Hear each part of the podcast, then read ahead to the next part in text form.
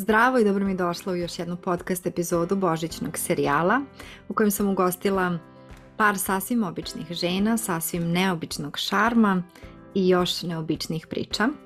I u današnjoj epizodi imam tu čast da predstavim Ivanu, moju klijentkinju i prijateljicu koja se bavi ručnim radom, tačnije vezom. I kada sam birala teme za ovaj serijal epizoda, shvatila sam da ja ne poznajem nikog ko bi bolje od Ivane mogao pričati o tradicionalnim i porodičnim vrednostima i mislim da je ovo savršeno doba godine da se svi zajedno podsjetimo koliko zapravo volimo svoje bližnje. Ovo su temelji na kojima je Ivana pokrenula i podigla svoj mali biznis.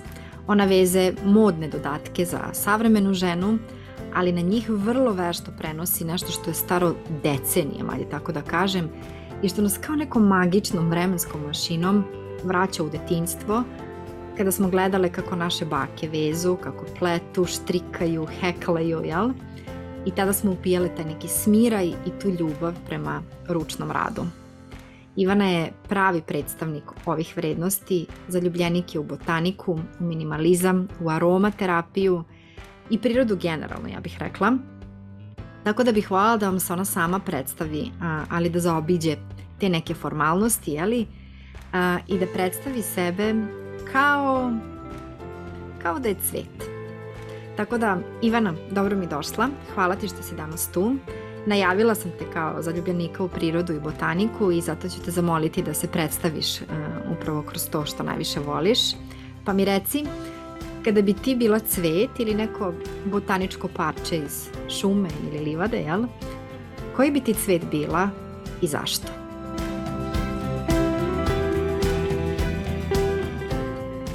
E, pozdrav svima. Za početak e, hvala vam što ćete izdvojiti svoje vrijeme da nas poslušate. Ali moram se i zahvaliti Jovani koja mi je pružila mogućnost da podijelim svoju priču i svoju riječ s vama ali da joj se zahvalim na tome što je prije godinu dana bila netko tko je podržao moju ideju, jer danas tu ideju možemo opipati. To je proizvod koji postoji, koji se kupuje i koji žene čini posebnim. Kad bi bila neki cvijet, ja nije kad bi bila, ja jesam, ali dva sam, ne samo jedan, jer to ti je, evo, to sam ti ja.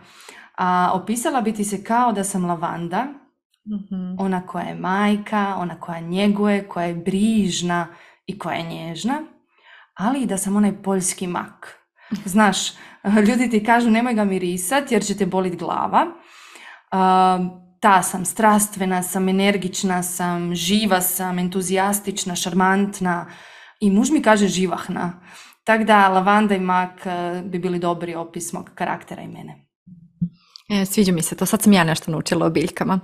Ajde Ivana onda da mi kažeš, kada već pričamo na temu porodice i porodičnih vrednosti, ja znam tvoju priču i sećam se da samo pre godinu dana jeli, si došla na te besplatne konsultacije koje sam ja nudila i donala si tu neku ideju koja je bila u tvojoj glavi, a danas je to stvarno, kao što si rekla, fizički ono, opipljiv proizvod koji se prodaje, koji se kupuje, koji se nosi.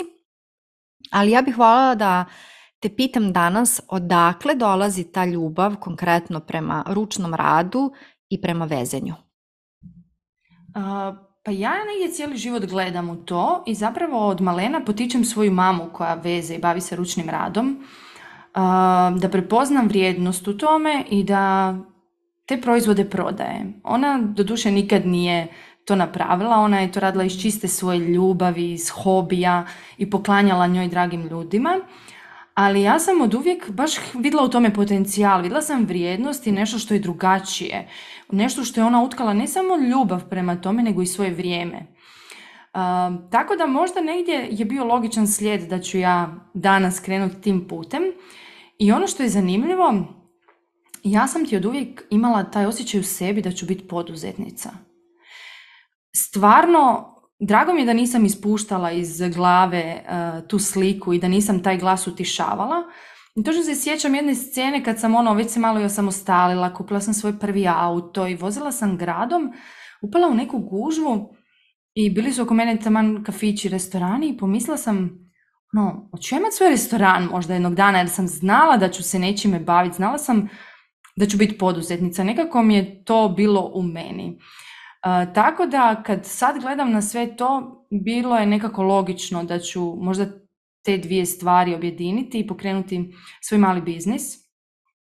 iako me mama kroz e, odrastanje užasno živcirala s tim vezenjem i bio mi užasno staromodan, dosadan, demode, ono, znaš, nekako ono, valjda u tim godinama kad te sve to živcira. Ali drago mi je da sam danas kao majka prepoznala to i da mi je ostalo usađeno. Jer negdje u vrijeme korone, kad sam htjela nešto stvoriti svojim rukama, to je bila prva stvar koju sam se sjetila i naručila neki set s Amazona da vezem. Tako da, to je negdje cijeli život oko mene i kroz bake sam vidjela to. Moja baka je imala staru singericu, uvijek je ta soba bila puna konaca, materijala, ona je za crkvu radila te stolnjake. Dok opet druga baka je ono, imala istančan okus za detalje, za fino, za predivnu haljinu, ono, s ručno rađenom čipkom, za lakirane fine cipele. Tako da negdje je to sve isprepleteno još od najranije dobi e, u mojem životu i drago mi je da sam negdje slušala taj glas i danas to pustila u svijet.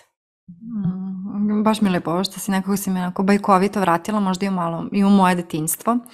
A, ali već sad kad pričaš o tome, pošto tema nam je danas i porodica, porodične vrednosti, šta bi mogla kažeš onda da kao najveće vrednosti koje su ti tvoje bake ostavile i koje ti danas neguješ i možda želiš svojoj deci isto da preneseš onako, baš ono što bi rekli tradicionalno s kolena na koleno. Šta je to što su ti tvoje bake ostavile? Koje su to vrednosti?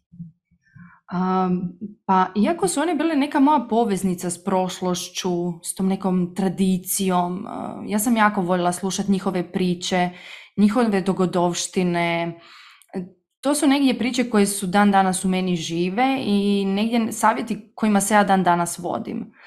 E, I osim što su mi ostavile taj, tu vrijednost e, toga da poštujem jako tradiciju, običaje, stvaralaštvo, to što naše ruke naprave, ne samo ručni rad, nego i rad sa zemljom, rad sa cvijećem, rad sa povrćem, taj osjećaj za nakit, za lijepi beštek, znaš, za ono fine posteljine.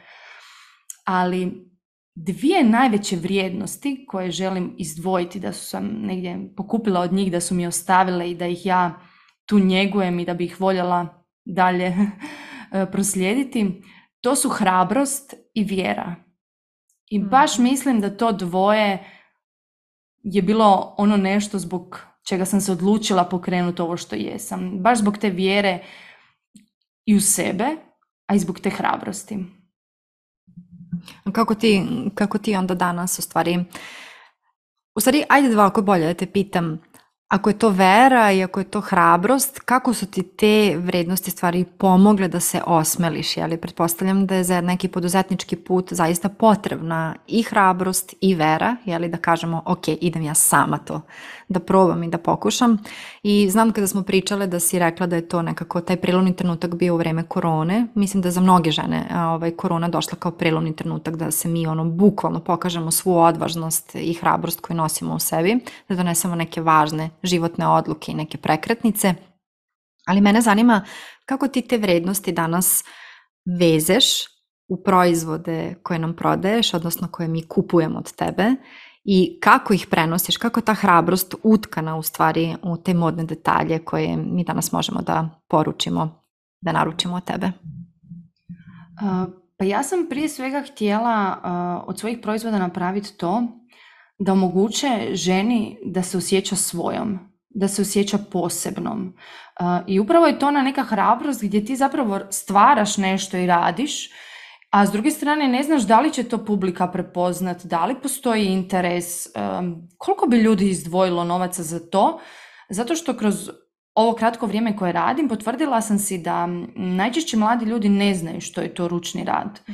Koliko vremena je potrebno da bi se stvorio jedan proizvod rukama jer iza svakog proizvoda stojim ja, sa svojim rukama i sa svojim imenom i prezimenom, a ne neki tamo stroj.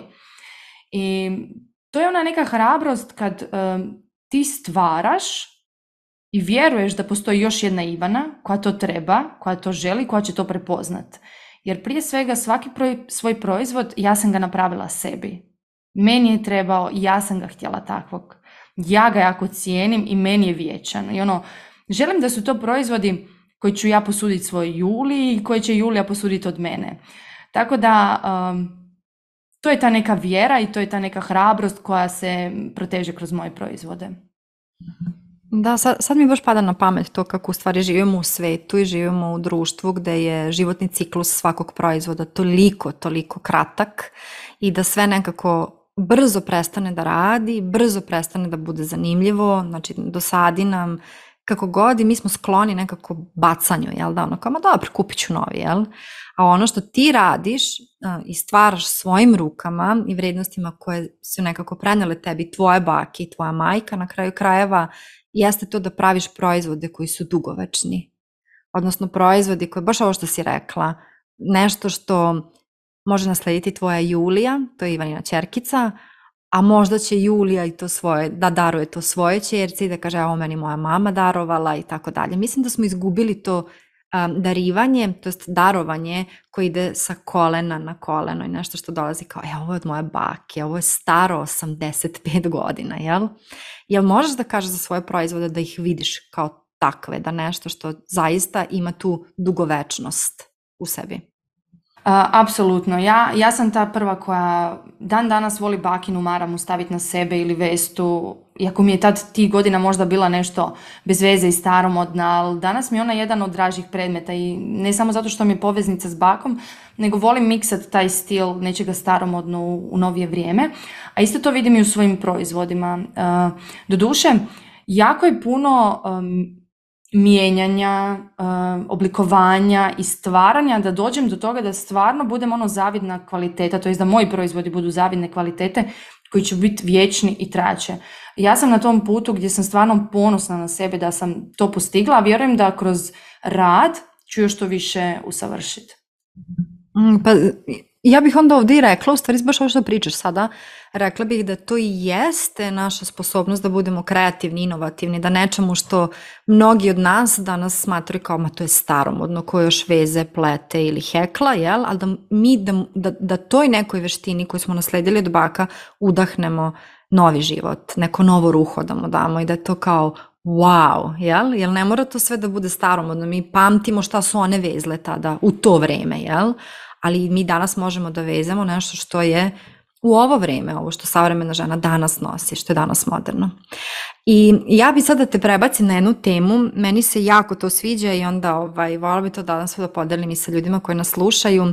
Pre nekoliko nedelja sedeli smo u restoranu i ti si mi pričala kako si posjetila jedan od um, marketa u Zagrebu gdje si po prvi put um, izbacila svoju tezgu i svoje proizvode i da su tu došli pravi ljudi, da si prodala XY proizvoda, da su te ljudi svašta pitali i mislim da je to jedan od najlepših načina da se upozna naša ciljna grupa. E sad, ono što je meni ostalo u pamćenju jeste kada si mi ispričala priču da je onaj gospodin došao kod tebe i da te pitao kao pa gdje vas mogu pronaći, kao gdje mogu pronaći vašu prodavnicu, kako se vaši proizvodi mogu kupiti. Ti si automatski rekla kao pa evo ovo moja Instagram stranica, vidite ovdje moj web page i tako dalje, a on je tebi u stvari tražio vizit kartu. I to je bilo ono otkrovenje da u stvari ako ti prenosiš te vrednosti koje si nasledila od svojih baka i od svoje majke, ti u stvari nudiš svima nama neko vremensko putovanje. Malkice da nas vratiš tamo, nekog u detinstvo, nekoga u mladost, a to su ipak ljudi koji dalje vrednuju vizit kartu u svom novčaniku. Jel možda mi ispričaš kako je, to, kako je to iskustvo bilo, zato što ja sećam tvojih očiju u restoranu kad si mi pričala i rekla, ajme Jovana, ovo mi je najveća greška koju sam napravila, nisam si izradila vizit karte. E samo malkice da mi, da mi to dočaraš, zato što mislim da je važno da približimo ljudima da nije život tri klika Mhm. Da, vidiš, meni to nije bila samo lekcija ono za idući sajam, moram napraviti vizit karte, nego mi je to bila ono lekcija stani, daj se vrati sebi. Ono, ja znam da kad sam sad spremala za taj sajam, da su meni pale na pamet te vizit karte, ali bilo mi onako ono, ma daj, ma ko to još nosi po novčaniku, pa to je ono samo trošiš papir, bez veze neko će to baciti u prvi koš, i ništa, nek me kliknu sa skenom na, na Instagram, to je to. No međutim, meni je taj sajam se pokazao kao ono, tu su došli ljudi od krvi i mesa, oni nisu virtualni. Oni su tu ispred mene, njihova riječ je živa i oni žele opipljiv, opipljiv dokaz mene i poveznicu sa mnom. Mhm. I ono nešto što mi isto bilo super, je to da ja sam starije ljude zapravo, e, posjetioce i kupce na sajmu, da. podsjetila na njihovu mladost, na njihovo djetinstvo, jer se oni su se prisjetili svojih baka i svojih mama koji su ono dugo u noć radile stvari rukama, heklale, vezle. Jako je zanimljivo da stariji ljudi, starija populacija, oni su prepoznali da je to u pitanju ručni rad. Mhm. No međutim, mlađi nisu i zapravo želim malo i širiti svijest o tome koliko je ručni rad drugačiji od onog strojnog, kolika je njegova vrijednost i koliko je u njega utkano ljubavi i vremena. Evo sad, sad si me bukvalno inspirisala da, da ono, za jedno novo pitanje, ko što nisam ni planirala nikako da te pitam, ali to je zapravo da ako danas sve može mašina da uradi, zašto neki ljudi i dalje biraju da vezu svojom rukom? Ti si pravi primjer toga i mislim da možeš baš nako verodostojan odgovor da daš na ovo pitanje. Pa gle, prije svega želim biti unikatna. Želim biti posebna i drugačija. Ja ne želim uh, eh, kupiti mašinu i biti jednaka mm, nekom ono, fast fashion brandu. Želim biti svoja. To je povratak mene meni. Mm, I naš, nema mi ljepšeg nego kad moje klijentice kupe proizvod i kažu mi, ajme meni, od malena sam sanjala da budem vila i tvoj proizvod mi je to omogućio. Tvoj proizvod mi nekako ono ostvaruje moje snove, tu su, opipljivi su. Tako da ono dvije vrste populacija e, je mojih klijenata. Starije osobe koje prepoznaju ručni radi cijenega. cijene ga i opet mlađe osobe, mlađe žene koje su e, spremne izdvojiti novac za nešto što je drugačije, što je posebno, što je kvalitetno, što je unikatno, a što je možda i negdje personalizirano. Mhm, mhm, mhm. E, ja sam imala tu sreću, ovaj, ne samo da da vidim tvoje proizvode, već neke od njih i da nosim. Mislim da sam dobila prvi ceger poklon i tako dalje, kada je to nekad bila samo ideja, pa je onda nastao prvi proizvod, mislim da sam ovaj, darovala nekoj ekipi ovaj, u, kojoj sam se našla, u kojoj sam se našla i ja. Tako da mogu za tvoje proizvode da kažem da su me stvarno vratile tamo negde moje bake sad, mislim, nisu nažalost žive, ali se sećam tog umeća da heklaju, da pletu, da vezu, pa čak i one goblin čini mi se da su, mislim, mhm, tako te neke stvari i mislim da je danas svima nama potrebno da zaista stvaramo nešto našim rukama, a ti već kada imaš dar da stvoriš nešto što je unikatno, što je toliko posebno i sa toliko talenta i kreativnosti, da to polako postaje stvarno jedan ozbiljan oko biznis model i taj slow fashion trend i da vraćanje prirodi, vraćanje sebi i buđenje malo te zahvalnosti prema bakama koje danas možda više nisu sa nama, prema našim majkama koje su nas ipak učile nekom jel, strpljenju, jer treba mnogo, mnogo strpljenja da bismo naučili da heklamo, štrikamo, vezemo i tako dalje. I ja bih htjela sad ovdje, pošto si ti rekla da si lavanda i da si mak, malkice da probudimo taj mak u tebi ili mak u meni, pošto sam se ja malo pronašla u tom maku, ali zapravo ehm, čini mi se nekako da smo postali malo Sva što smo bre nalepili tim našim roditeljima, da nisu dobro uradili sa nama, kako su nas nekad vaspitavali, danas nam fali samopouzdanja, zato nismo dovoljno dobre, imamo XY y uverenja, zato što naši roditelji nisu ovako, nisu onako. Onda idemo na neke terapije pa se nešto isceljujemo od roditelja i, i nemam ništa protiv toga i sama sam neko ko ide na psihoterapiju i tako dalje, ali čini mi se samo da je otišlo iz jedne onako krajnje tačke u drugu krajnju tačku, da nigde nismo osetili put između.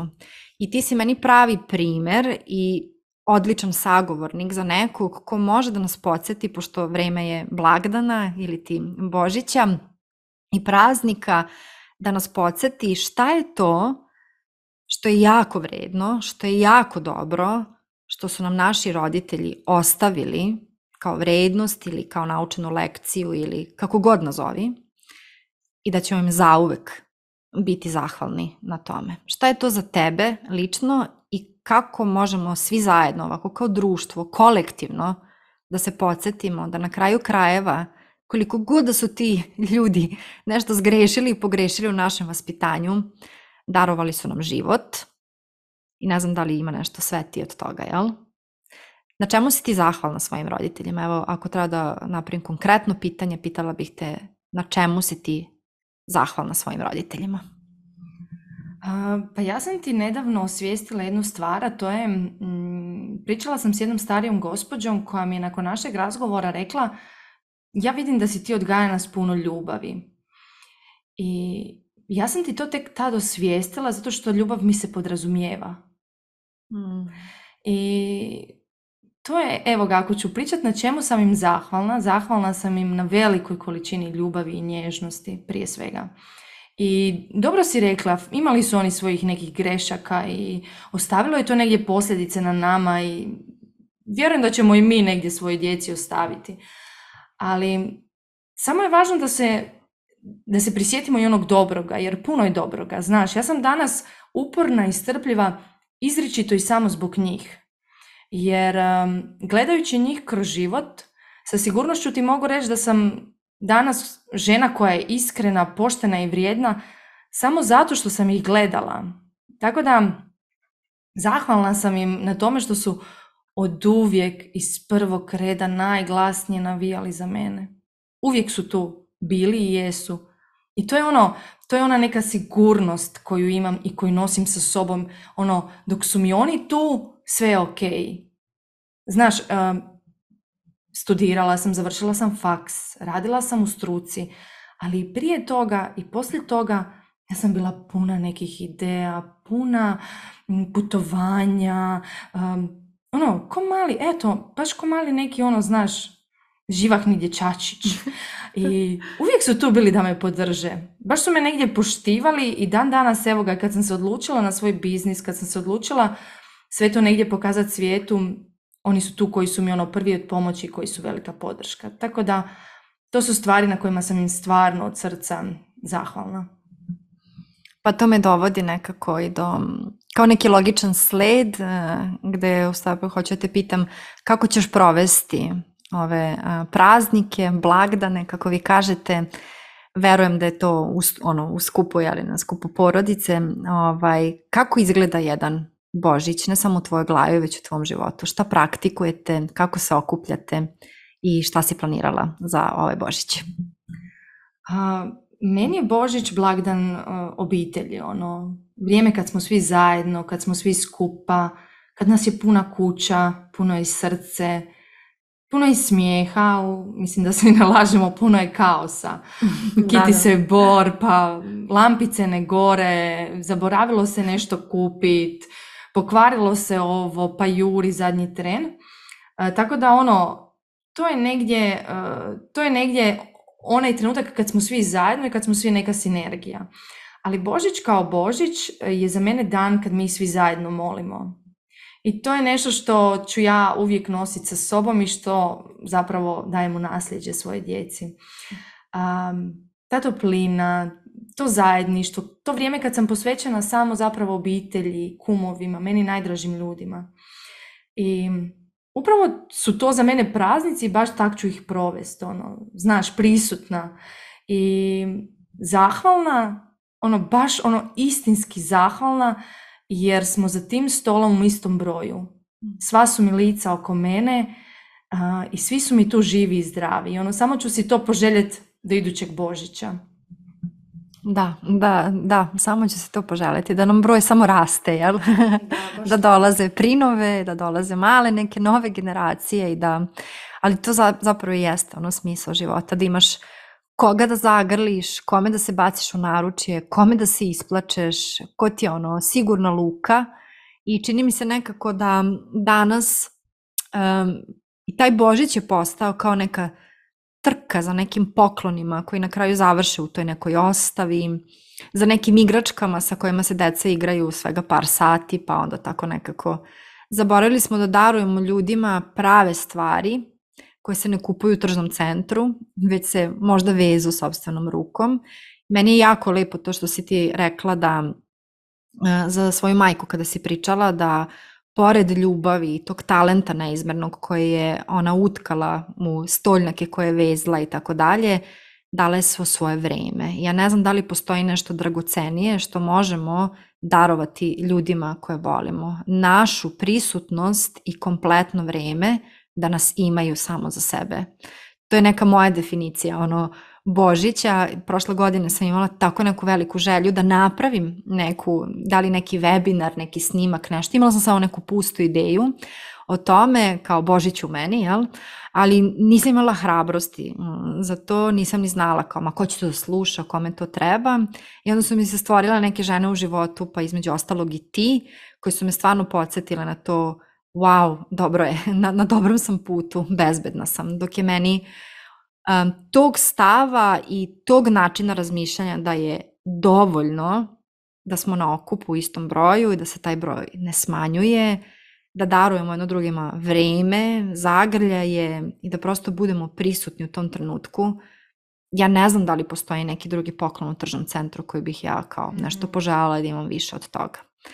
Um, i baš se mi nekako, ja tako kad pričam sa tobom, nevezano sad za ovaj podcast, ali inače kada razgovaramo ti mene uvek vratiš u to neko bezbrižno vrijeme kad si bio dete i kad znaš da će te mama pokriti, da se nećeš prehladiti, da, te, da ćeš nekako utonuti u san, jeli, sa maminim glasom, ono, da je sve okej, okay, jel, ono, bezbedan si. Znači, to je to neko vrijeme kao kad slušam tebe kako pričaš i o svojim proizvodima i o, i o svojoj porodici, i o bakama, o mami i tako dalje ali ja znam da ti već dugo maštaš o jednom unikatnom, premjernom, onako vrlo, vrlo specijalnom proizvodu koji je tako bio samo neki tvoj san i polako taj san postaje java, onako zahuktalo se i ja bih voljela da tako parčete tvoje hrabrosti koju ti je jedna baka ostavila ovaj, u amanet, a ova druga malo, malo vere u sve to, da mi kažeš nešto više o tom proizvodu koji nam sljedeće godine dolazi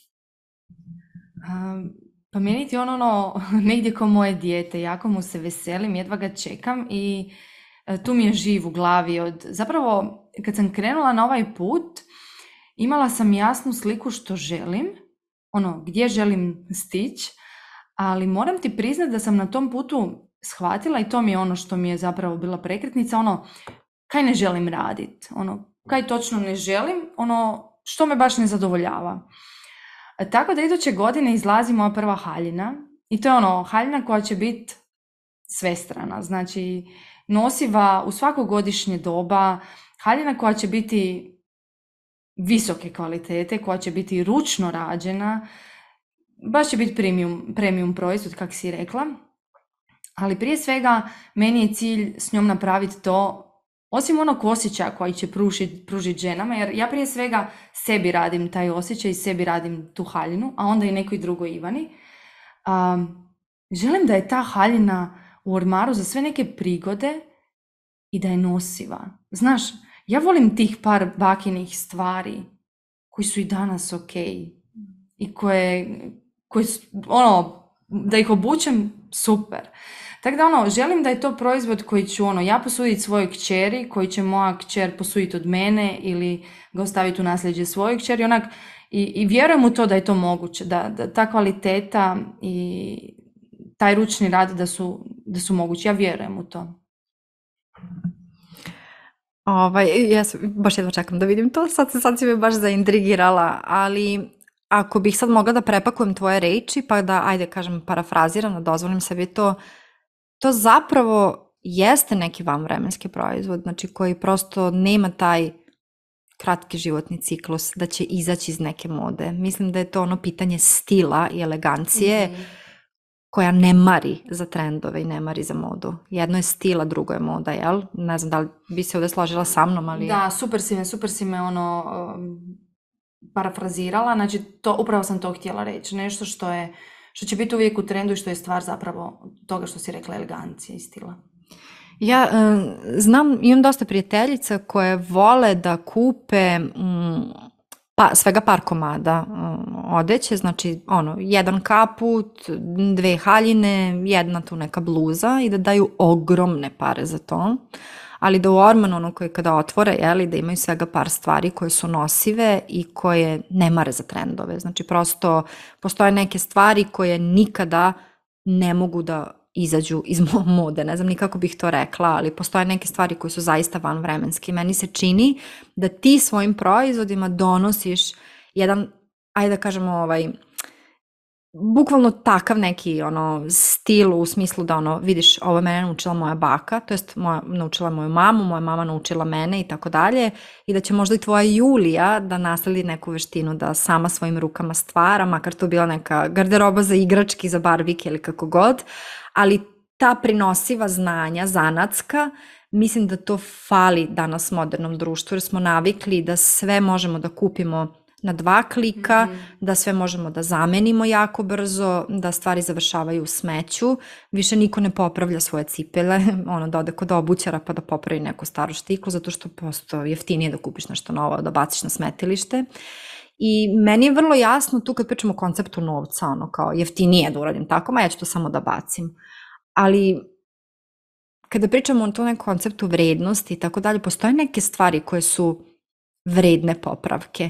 Postoje neke stvari koje se, ako se potrgaju, ako se pocepaju, ako se negde načnu, ako se nešto desi da su jeli, nošene su dugo i tako dalje, da postoji to da mi poželimo da sednemo i da ušijemo, da napravimo neku zakrpu, da to, da obnovimo. Znači to ono, mislim da sam malo pre to rekla, ono, bukvalno da starim stvarima damo novi život.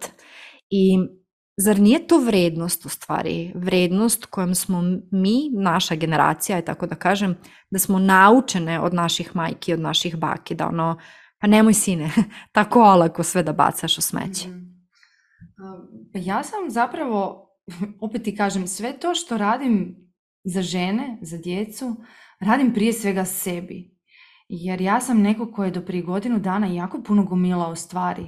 Ono, nećemo se lagati teško sam se odvojila od majice iz, ne znam, doba fakulteta u kojoj sam upoznala muža i ne, nemam pojma, ono, isto. kužiš, nećemo se lagati, ja sam stvarno pretrpavala svoje ormare. I onda sam shvatila, unazad godinu, godinu i pol, uf, ovo me guši, ovo me opterećuje. I ono, znaš kad staneš, pun ti ormar, krcat, i ti nemaš kaj obući. Da, da, poznato e, mi to. To mi je baš ono, meni je to bilo frustrirajuće. I zapravo dogodila se jedna situacija koja je bila prekretnica. Ja sam sasvim slučajno kupila jednu skuplju haljinu i ta haljina je meni bila nosiva za sve. Ako ću je na japanke, na japanke. Ako ću je zimi na, ne znam, vestu i, i najlonke i čizme, može. I onda ti je meni bila ono, wow, ja imam jednu haljinu i mogu je nositi, ne znam, i na neke prigode koje su možda, ne znam, finije i na nešto običnije u godišnje doba. I meni je bilo, to, meni je to bio game changer gdje mi je bilo ono, meni treba par ovakvih stvari. I tu se dogodila prekretnica gdje sam ja mhm. onda dio svog ormara poklonila, dio reciklirala i mislim nisam ja još savršena naravno, ali ja sad imam dvije police na kojima su sve moje majice i puloveri za mhm. sva godišnja doba i jednu našu štangu u ormaru na kojima vise sve košulje i haljine za sva godišnja doba i sve prigode. Ali to je na kraju i stvar mindseta, je li tako? da se mi ono kako da kažemo, da osposobimo sebe i sobstveni um da se odreknemo tih nekih stvari koje držimo u kutijama i kao, pa dobro kad smršam nosit mhm. ću, ovo ću sigurno moći, pa onda ono stoji tako pet godina u toj kutiji, ono mislim prvo neću nikad smršati, jel, ili nećemo to više nikad obući, ali jako se teško odričemo, kao neki su kupljači stvari, jel, verovatno zato što smo i neke stvari, jeli, ovaj, sebi teško priuštili kad smo bili mlađi pa smo jako želeli pa je to bilo skupo, ali danas je to sve toliko dostupno i toliko jednokratno da je baš eh, to razlog zašto imamo glavobolju, ono kao i on toliko stvari, ali ajme meni i dalje nema šta da obučem. I da ti u stvari nekako i dolaziš na tržište eh, sa tom porukom i sa tom misijom da nama u Ormanu trebaju svega par kvalitetnih vanvremenskih odevnih komada. Jesam u pravu? skroz si u pravu. Ali samo želim i naglasiti, neće se to dogoditi kod svih, jer to su neke promjene koje baš moraju doći ono, mislim, same od sebe. Ja sam ovo nekako kroz zadnjih par godina dosta radim, eto, ajmo reći onako kako svi kažu, vole reći radim na sebi, ali dosta sam se pozabavila sobom jer sam se u jednom trenutku odrekla sebe. Negdje sam se izgubila na tom putu majčinstva i zapravo na tom povratku sam shvatila tko jesam i tko želim biti. I ta količina stvari me počela užasno gušiti. Ne samo mm. stvari u ormaru, općenito, u kuhinji, u kupaoni. Mm. Tako da ja stvarno težim tom jednom minimalizmu gdje, gdje zagovaram da ono koristim jedno sredstvo za čišćenje, da imam svega dva, tri lonca koja mi trebaju, mm. a ne šest jer možda će nekad nešto. Ne, da imam eto, dva pulovera zimi, da imam, ne znam, bijelu jednu košulju, par ono, baš težim tome da si olakšam svakodnevnicu, jer mislim da upravo taj minimalizam je olakšavanje jedne svakodnevnice. Kako da ne, mi provedemo toliko vremena, izgubimo u stvari, ono, da donesemo neku odluku, jel? toliko, mislim da, čini mi se da ono istraživanje pokazalo da donesemo u toku dana, samo u toku jednog dana do nekih 35.000 odluka, što svesnih, što nesvesnih. I zapravo to i jeste mi, ono, od ujutru kada otvorimo oči pa do uveče dok negledamo spavamo, donosimo stalno neke odluke. Moramo da napravimo neke izbore i tako dalje. I onda u stvari kada ti sebi dovedeš do to neke tančine jednostavnosti, da živiš vrlo jedan jednostavan život, onda si ti sebe um, od tog tereta da moraš ono otvori orman i kao ajme šta ću sad obučem, jel ono, jel ovo ide uz ovo, jel se ovo slaže, jel ti tačno znaš šta imaš u ormanu i za koje prilike to može da se jeli, obuče, da se nosi i tako dalje da je to nešto što se neće pohabati već do, do sledeće, ajde da kažem, sezone. Znači, to ono, imaš jedan komad koji je baš to što si rekla van vremenski. Da, i samo ću, samo ću završiti, ono, samo ću reći jednu rečenicu, to je ono, i upravo su me tome negdje naučile moje bake i, i mama. Tome da ono, upecaš neki kvalitetan komad robe, da ono, ajmo reći pa investiraš. Da je to nešto što je kvalitetno, što je vrijedno i što je dugovječno. Ono, ja sam to viđala po njihovim ormarima i danas imam takav ormar. Da, sjajno. I njihove stvari u, da, u tvom To mi je jako lepo. Ivana, hoću da te pitam e, za kraj, pošto je ovo vrijeme praznika, vrijeme blagdana, uh, ti postavim neko konkretno pitanje da ovaj podcast sada sluša i da kažemo ceo svet na nekom ono, razglasu, jel? Da može da čuju svi ljudi. Koja je to jedna poruka u kojoj bi sažela sve to što su ti tvoji roditelji i tvoje bake ovaj, ostavile kao vredne lekcije koje želiš da odašiljaš sada u, u univerzum? Znaš, sad onaj, mak eh, u meni bi ti sad htio biti jako onako uh, eh, otkriti ti nešto novo, nekakve ne znaš i svima im sad uh, eh, dati savjet života, ali ona lavanda u meni će ti reći samo se volite, jer mene jedan zagrljaj ozdravi. Tako da, to je ono koje želim svima reći. Volite se i budite ove praznike prisutni. E sad su mi malo nešto, upao mi nešto u oko, neki slon. Ovaj, ali mislim da je to jedna najkraća i najlepša poruka koju možemo zajedno da pošaljemo kao, jeli, ajde kažemo zaključak ove kratke epizode. Volite se, dragi ljudi, zato što ljubav se ne podrazumeva Ljubav je glagol na kome se radi svaki dan, za koje treba da se borite, da se potrudite i ne zaboravite da svako od nas može da putuje, a da su najlepše destinacije i naših dragih ljudi. Budite zdravi, volite ljude sa kojima danas slavite ovaj, ove divne praznike i slušamo se u nekim drugim epizodama. Hvala vam što ste nas slušali. Ćao! Hvala ti Jovana i sretni vam blagdani.